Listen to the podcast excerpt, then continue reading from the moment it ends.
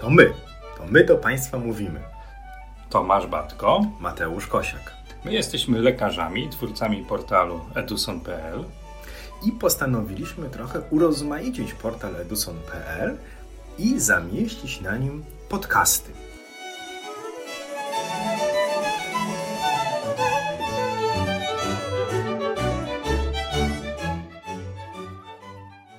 Dzień dobry. Dzień dobry. Powiem Państwu i powiem Tomku Tobie tak szczerze. Mogę? No słucham Cię. Ale tak szczerze i tak od serca. Tak, uwaga, będę mówił. Powiem, że budować ściany wokół siebie marna sztuka. Wrażliwe słowo, czuły dotyk wystarczą. Tak chciałem Ci powiedzieć od serca. No tak, ale powielokroć masz wrażenie, że dochodzisz do ściany, prawda? Dochodzę do ściany, a wiadomo, że głową muru, a ściana to mur. Tak. Tak. A z Nie drugiej strony wiemy, że mury runą, runą mury. No, a czasem tą ścianę trzeba przeskoczyć, czasem z tą ścianą trzeba się zmierzyć, czasem trzeba ją dobrze ocenić, zanim głową w ten mur, w tą ścianę przyłożysz. Tym bardziej, że czasami czujesz się po prostu kolejną cegłą w ścianie.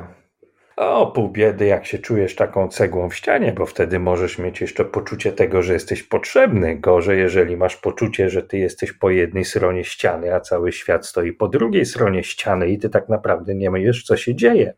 Dokładnie, bo niby tacy sami, a ściana między nami. O, właśnie. Ściana nie tylko w życiu ultrasonografisty i w jego metaforach się pojawia, ale jakże często przemiata ona na ekranie jego ultrasonografu.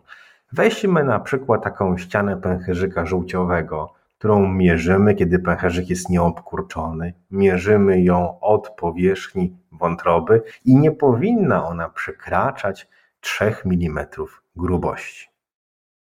To jest dobry przykład, ale zauważ, że tak naprawdę chyba nie ma regionu ludzkiego ciała, nie ma strefy ocenianej w badaniu USG, w której by co najmniej jedna ściana nie spotykała się z wiązką ultradźwiękową, żebyśmy tej ściany nie musieli w jakikolwiek sposób ocenić. Wszędzie znajduje się ściana i każdy z nas tą ścianę ocenić musi, musi czasem przebić ją wiązką ultradźwiękową, musi ją w jakikolwiek sposób zinterpretować. Czy to jest ściana, która tam być powinna i jest to ściana zdrowa, czy być może jest to mur, który trzeba rozwalić. No bo na przykład, co to znaczy ocenić ścianę? Tutaj musimy mieć świadomość, że nie tylko chodzi o grubość, tak jak to mówiliśmy w przypadku pęcherzyka żółciowego, ale na przykład, tak jak to jest w przypadku jelit, gdzie nie tylko grubość, ale i warstwowość, czyli z czego ściana jest złożona, jest ważna. Ja bym powiedział wręcz przewrotnie, wbrew wszelkim podręcznikom do ultrasonografii, że pomiar grubości ściany to jest właściwie rzecz, która nas nie powinna specjalnie interesować w badaniu USG, a jeżeli już, to dopiero na samym końcu naszego badania. Trochę jak wielokrotnie wspominaliśmy na różnych naszych wspólnych spotkaniach z Państwem, w naszych podcastach i na naszych kursach, jak z mierzeniem wątroby. Najpierw oceńmy tą ścianę, zobaczmy, jak ona wygląda. Czy jest hiperechogeniczna, czy hipoechogeniczna, czy być może ma zatarte swoje zarysy, czy być może wokół nie jest widoczny płyn, być może ma wzmożone unaczynienie, być może ma odcinkowo inny charakter, być może zmienia się wtedy, kiedy narząd, który oceniamy, zwiększa bądź zmniejsza swoją objętość, a być może tej ściany w ogóle nie widzimy. Tych cech, które świadczyć mogą o tym, czy ta ściana jest zdrowa czy chora, jest dużo, dużo więcej niż sama jej bezwzględnie mierzona przez nas grubość. No bo to leży u podstaw różnicowania pomiędzy nieswoistymi zapaleniami jelit, pomiędzy chorobą leśniowskiego i krona, a wrzodziejącym zapaleniem lita grubego, gdzie w tej pierwszej chorobie mamy do czynienia z sytuacją, że mamy zatartą budowę warstwową tej ściany. Tak, i to jest ten późny etap, czy zaawansowana postać choroby Krona, gdzie dochodzi do zatarcia warstwowości budowy ściany przewodu pokarmowego, co praktycznie się nie spotyka u pacjentów z colitis ulcerosa albo spotyka się bardzo, bardzo rzadko. To wynika oczywiście z patofizjologii i żeby dobrze zrozumieć, jak ta ściana powinna wyglądać i czego się spodziewać w różnych jednostkach chorobowych, trzeba też nieco wiedzieć o patofizjologii schorzeń, których poszukujemy. No bo przecież skoro wspomniane przez Ciebie nieswoiste zapalenie jelit różni się nieco w swoim procesie patofizjologicznym, to z tego też wynika ta różnica w obrazie ultrasonograficznym, bo w colitis ulcerosa zajęta procesem zapalnym jest przede wszystkim błona śluzowa i podśluzowa, a rzadko kiedy w ten proces wciąga się surowicówka i mięśniówka. W związku z tym do samego końca zazwyczaj mamy zachowaną budowę warstwową. A teraz zobacz, pozostajemy jeszcze w jelicie i w jelicie grubym często jest tak, że jak jakąś ścianę widzimy, to tą tak zwaną przednią, najbliżej głowicy. Ale A jak tak. jest zapalenie uchyłków, to dochodzi do takiej sytuacji, że ba, bardzo ładnie tę grzbietową jesteśmy w stanie uwidocznić skutek pogrubienia tej ściany. Mamy utorowaną wiązkę dla ultradźwięków i widzimy nie tylko przednią, ale i tylną, i boczną, i widzimy całe jelito z pogrubiałą ścianą pogrubiała ja w ogóle ściana. trochę tak, wiesz, pozwól, że ci wejdę w słowo a propos tego, bo to niezwykle ważny moment naszej dyskusji o ścianie tu poruszyłeś, jelita grubego. Mamy zazwyczaj pacjenta, którego oceniamy, oceniamy ścianę jelita grubego i widzimy jego tylko przednią ścianę u zdrowych pacjentów, bo jelito wypełnione treścią kałową, masami kałowymi i gazem nie pozwala nam ocenić tej grzbietowo położonej ściany. I to, co powiedziałeś, czego przykładem dobrym jest zapalenie uchyłków, nieswoiste zapalenie jelit, jeżeli dochodzi do sytuacji, że my widzimy obie ściany, przednią i tylną, brzuszną i grzbietową, to to powinno wzbudzić nasze zainteresowanie bo być może mamy zwężone światło przewodu pokarmowego, bo jest stan zapalny, być może mamy wypełnione jelito płynną treścią, co się rzadko zdarza w jelicie grubym, być może mamy naciek, który obejmuje całą ścianę, co również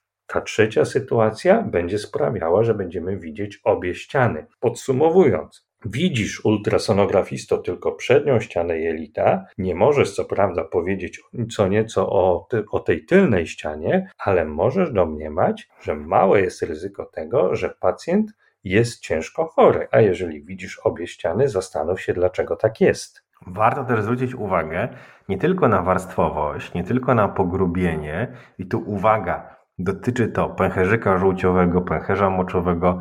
To nie musi być uogólnione pogrubienie jak w zapaleniu, ale na przykład odcinkowe, zwiastujące, będące oznaką choroby nowotworowej.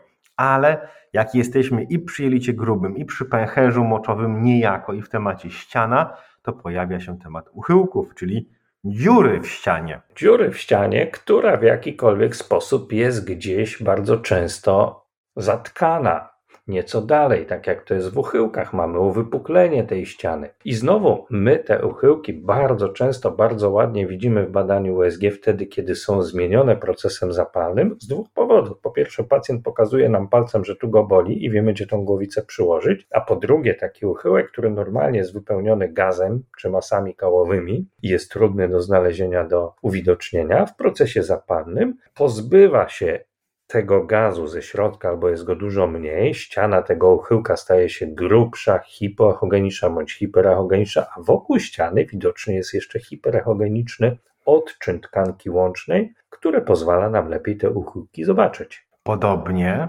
w przypadku wyrostka robaczkowego, że ściana wyrostka robaczkowego i to, z czym ona się kontaktuje, jak wyglądają sąsiedzi ściany, jest też bardzo ważne bo to sąsiedztwo jest niezwykle cenną informacją dla ultrasonografisty, bo w wielu sytuacjach klinicznych sama ściana może mieć zachowaną prawidłową grubość, może mieć, jeżeli posiada w sposób naturalny warstwę, zachowaną warstwowość, ale sygnałem, że coś się dzieje, w tej ścianie, w świetle narządu, który oglądamy, bądź globalnie jest reakcją ogólnoustrojową, jest to, co dzieje się wokół ściany. Płyn wokół ściany pęcherzyka żółciowego, naciek zapalny, hiperachogeniczny wokół ściany jelita i tak dalej, i tak dalej. Tych elementów sąsiadujących struktur wciągniętych w ten proces chorobowy, który toczy się w ścianie, które możemy zobaczyć w badaniu USG, będzie bardzo dużo. Czasem będą to węzły chłonne, które będą w okolicy struktur, które oglądamy. Czasem będą to różnego rodzaju przetoki,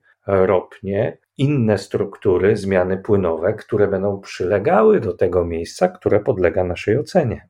Czasami oprócz dziury czy pogrubienia jest też wpuklanie się ściany do środka. Na przykład duży gruczoł krokowy może modelować ścianę pęcherza moczowego. I czasami nie jest to łatwe, żeby rozróżnić, czy jest to guz pęcherza, czy tak modelujący ścianę gruczoł krokowy. Może też być taka sytuacja, że przyglądamy się ścianie żołądka, a tu nagle gist, zmiana ogniskowa w ścianie i ta ściana modelowana przez ten gist. A zobacz, ile ciekawych rzeczy może dziać się w ścianie naczyń krwionośnych. Ta ściana naczyń żylnych może być objęta procesem zapalnym wynikającym z zapalenia żył, zakrzepowego zapalenia żył, jako powikłania chociażby po wkłuciach, które zakładamy naszym pacjentom. Możemy zobaczyć skrzepliny przylegające do ścian, nie tylko naczyń żylnych, ale też i tętniczych. Możemy widzieć zmiany w grubości intima media, co może być symptomem tego, że dzieje się coś złego globalnie z naszym pacjentem, a w końcu możemy zobaczyć blaszki miażdżycowe, czy to w aorcie, czy w innych naczyniach tętniczych. Zobaczyć blaszki miażdżycowe nie jest żadną sztuką, ale sztuką jest w odpowiednim momencie pokumać, że to, co widzimy w tętnicach szyjnych, wspólnych czy wewnętrznych, to bardzo podobnie może być w naczyniach wieńcowych i wtedy szybko trzeba zadziałać i być może uda się komuś pomóc zupełnie w sposób wcale nie bardzo skomplikowany, polegający na oglądaniu właśnie ściany naczyń tętniczych. Jeszcze jest taka ściana, ściana miedniczki nerkowej, o której chciałem powiedzieć, która się zmienia, ulega pogrubieniu przy zapaleniu, które toczy się w ścianie miedniczki nerkowej, ale może też ulec pogrubieniu u pacjentów dorosłych, kiedy będzie rak przejściowo-komórkowy sobie rósł w miedniczce nerkowej. Jest jeszcze jedna ważna ściana, której nie należy przeskakiwać, nie należy przekraczać, nie należy rozbijać. Ściana możliwości diagnostyki ultrasonograficznej. My musimy wiedzieć, gdzie ta ściana stoi, żeby nie przekraczać naszych kompetencji, nie przekraczać ściany, która zaprowadzi nas do świata, który będzie światem fałszywym. A też każdy z nas powinien mieć świadomość, gdzie stoi ściana naszych własnych możliwości, umiejętności. Tą ścianę akurat możemy bezpiecznie przesuwać coraz dalej i coraz dalej, a czasem wręcz ją przeskoczyć. A może metaforycznie niech nasza ultrasonograficzna edukacja będzie taką ścianą wspinaczkową, po której ćwiczymy nasze ręce, wyrabiamy nasz intelekt po to, aby szybciej wspinać się na szczyt. Czasem szybciej, czasem lepiej dokładnie, ale miejmy świadomość, że każdy z nas z tej ściany spadnie. Oby miał na czym zawisnąć i wrócić z powrotem na szlak. Obyśmy nie bali się spadać ze ściany. Czasem im wyżej już jesteśmy w naszym życiu zawodowym, tym upadek, tym upadek bardziej boli, ale tego też nie należy się obawiać. Z urodzonym optymistą, jak zwykle w podcaście, było mi bardzo miło rozmawiać. Do usłyszenia.